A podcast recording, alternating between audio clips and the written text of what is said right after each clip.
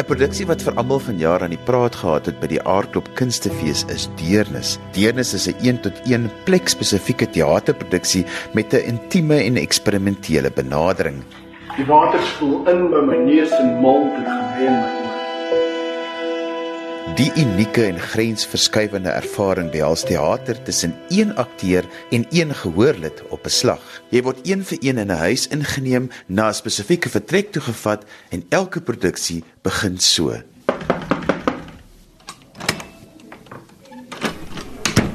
Ek wens dit ek kan sê dat ek bekommerd is oor jou. Omdat jy die een is wat die meeste skade gaan kry. Want ek kan nie. Want ek is nie. Ek is bekommerd oor my en wat ek gaan verloor.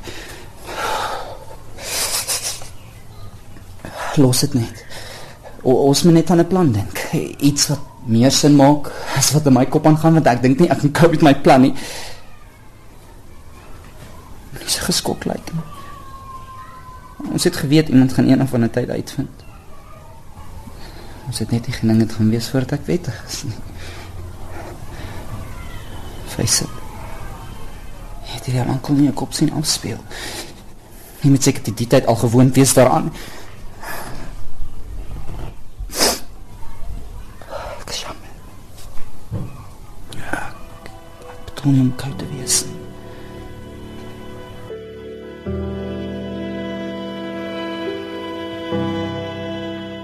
Ek is Tiaan Slabbert en ek is betrokke by Deernis en ek speel in pakket 3 Winkelpop. Is verskriklik intimiderend vir die audience, maar ons geniet hulle reaksies so verskriklik baie. Elke persoon wat deur daai deur stap, verskil dag en nag. Um, ons het mense wat huil en mense wat bang raak en mense wat empatie toon en mense wat dink dit is verskriklik snaaks. Want daar is stukke wat ligter is en dan sal stukke wat baie baie swaar is. Maar uh, ja, dis lekker om mense se reaksies te sien en ek dink hulle hulle ervaar dit baie lekker. Nou vir ons luisteraars wat nie die konsep ken nie, jy voer die stuk op vir een gehoorlid. Dit word in 'n huis gedoen, so dis 'n omgewingsspesifieke teater. Jy kom in die huis aan, jy kom, maak die deur oop en jy stap in en dan staan jy daar en dan in jou geval met jou stuk, dan kom jy met 'n winkelpop daaraan. Yes. Vertel bietjie vir ons hoe mense reageer en wat dan gebeur. Kyk, dis eintlik baie snaaks. Um ek word verlief op 'n winkelpop, uh, Nina. Ek steel hulle by my werk. Ek werk by Edkers en dan um bel my baas my en hy sê waar's ons die poppe en hy kom agter ek het dit gesteel. En die mense dink wat die hel dink die man? Jy is lekker kens. Maar uh dit is uh moeilik en ek sê ook vir my ma omdat ek so ek word regtig verlief op die pop. En dit is baie moeilik veral omdat hulle geen emosie het nie. Ek speel teen twee botgesigte en um dis moeilik maar uh sy uh sy laat 'n mens ek het my maak gesê mamma wat gaan ons doen as ek regtig verlief raak op hierdie winkelpop? Want ek leef myself so in en dan direk na daarna dan moet ek gou okay my kamer opruim en dan die volgende persoon kom oor 8 minute in. So ja dis maar dis lekker dis baie lekker Die interessante ding vir die gehoorlid is want ek het nou spesifiek jou stuk bygewoon is is dat jy word vooraf gesê jy mag nie eintlik reaksie toon nie. Nou jy vra direkte vrae is meestal vrae wat jy nie hoef te beantwoord nie, maar dit dit werk verskriklik met jou as 'n gehoorlid. En jy skink vir iemand 'n glasie wyn. Ek byvoorbeeld kon nie die glas wyn drink nie. Dit omdat daar baie ander mense daaraan gedrink het. nee, ehm um, kyk dit is om om jou vraag te beantwoord vir my omdat die reaksie met die ander stukke so verskil is gewoonlik speel ons net vir die een persoon maar ek ontvang die persoon en dan beweeg ek bietjie weg maar ek trek jy nog steeds ek hou jy nog steeds deel van die storie. So dit gaan meestal oor my en Nina en op die einde weet jy nou ek wil nou nie te veel weggee nie, maar um, dan is daar 'n bietjie 'n draai in die storie. En die Nina waarna hy verwys is dan nou die winkelpop se naam. As 'n mens vir so 'n stuk repeteer, Hoe doen 'n mens dit want elke mens wat daar instap verander mos nou totaal en al die omgewing, die atmosfeer. Elke stuk is eintlik uniek, maar jy's werk van 'n teks af. Yes, ek moet sê Bram van der Vyf vir die skrywer. Hy het 'n uh, fantastiese werk gedoen. Dit is vir my baie groot eer om sy werk op te voer, maar ook my twee regisseurs Johan van der Merwe en Ben.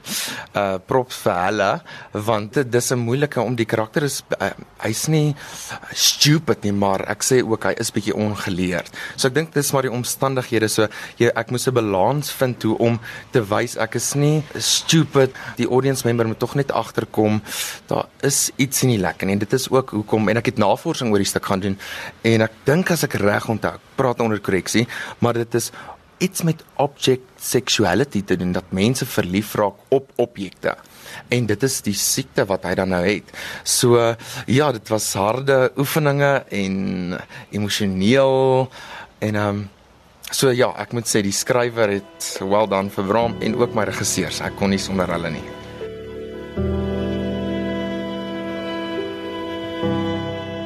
Hallo, ek is Rietjie Heymans. Ehm um, ek is op die deernispaneel. Jy lei die mense rond, jy vat hulle van vertrek tot vertrek. Hoe ervaar mense dit? O, oh, weet jy die mense se ervarings is absoluut uiteenlopend.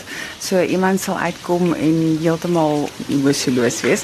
Ehm um, en ander mense sal huil en dan ons maar hulle drukkies en ons hou hulle maar vas vir so rukkie totdat hulle bietjie beter voel. Maar dit is regtig die die mense is mal hieroor.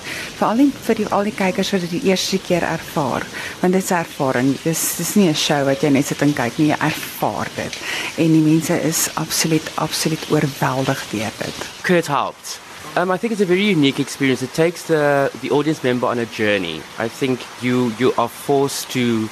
There's nothing to distract you. No, no the audience member. So it's just you and the other actor, and you try and combat where they where they're taking you, but you can't help but to go where they where they lead you. Stein dit toe, dit was baie rou en die feit dat dit nou storm reën op Potch het um, baie um, atmosfeer stuk.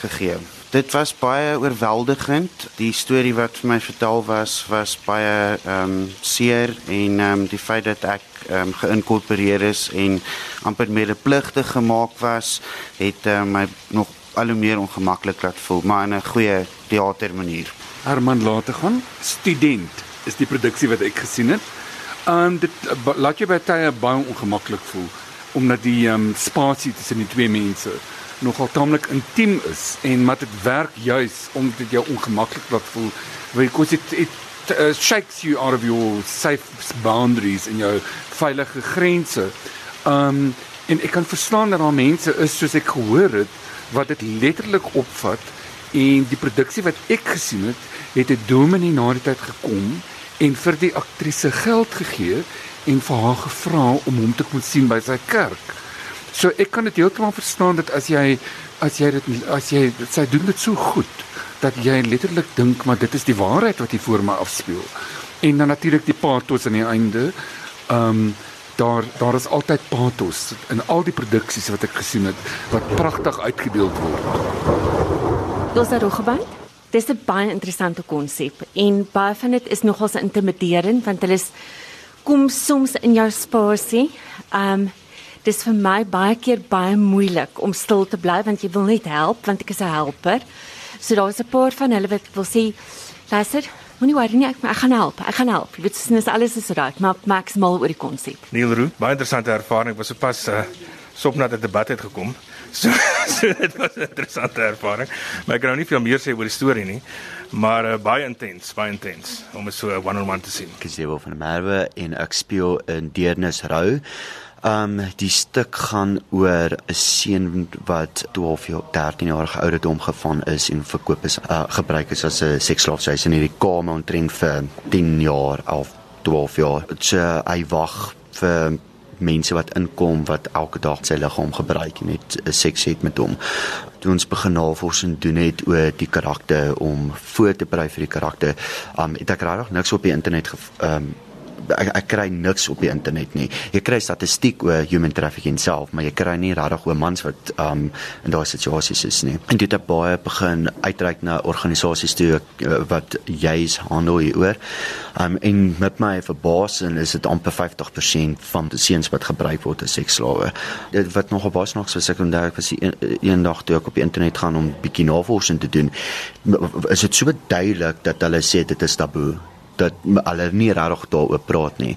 Um dit is uh, definitief een van hierdie stories wat ek voel regtig oor gepraat moet word.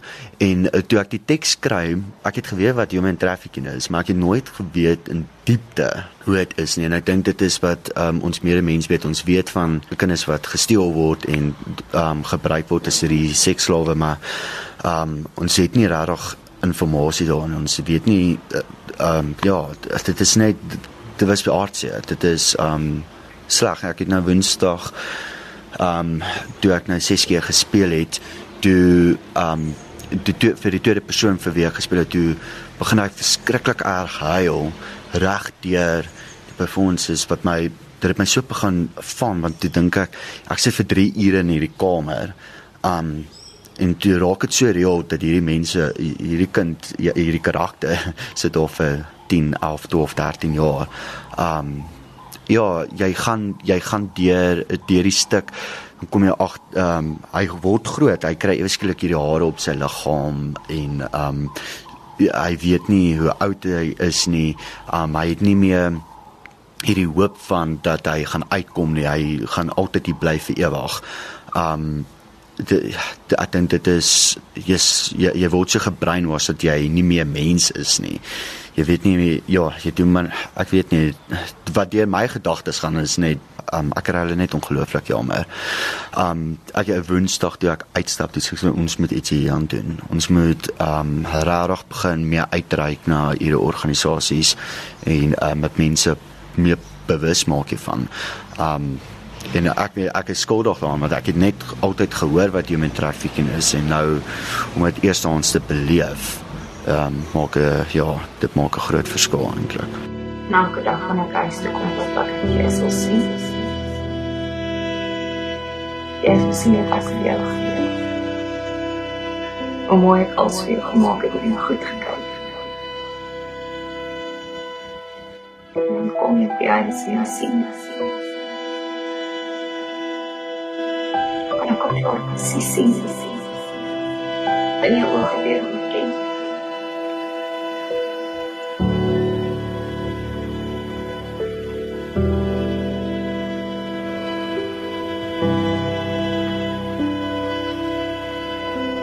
hoor mense praat daarvan my gemaak of ek weet waarvan hulle praat. Ek het gaan search en search. Toe bloos ek eers. Wonder ek hoe dit sou wees om weet, iemand ontmoet.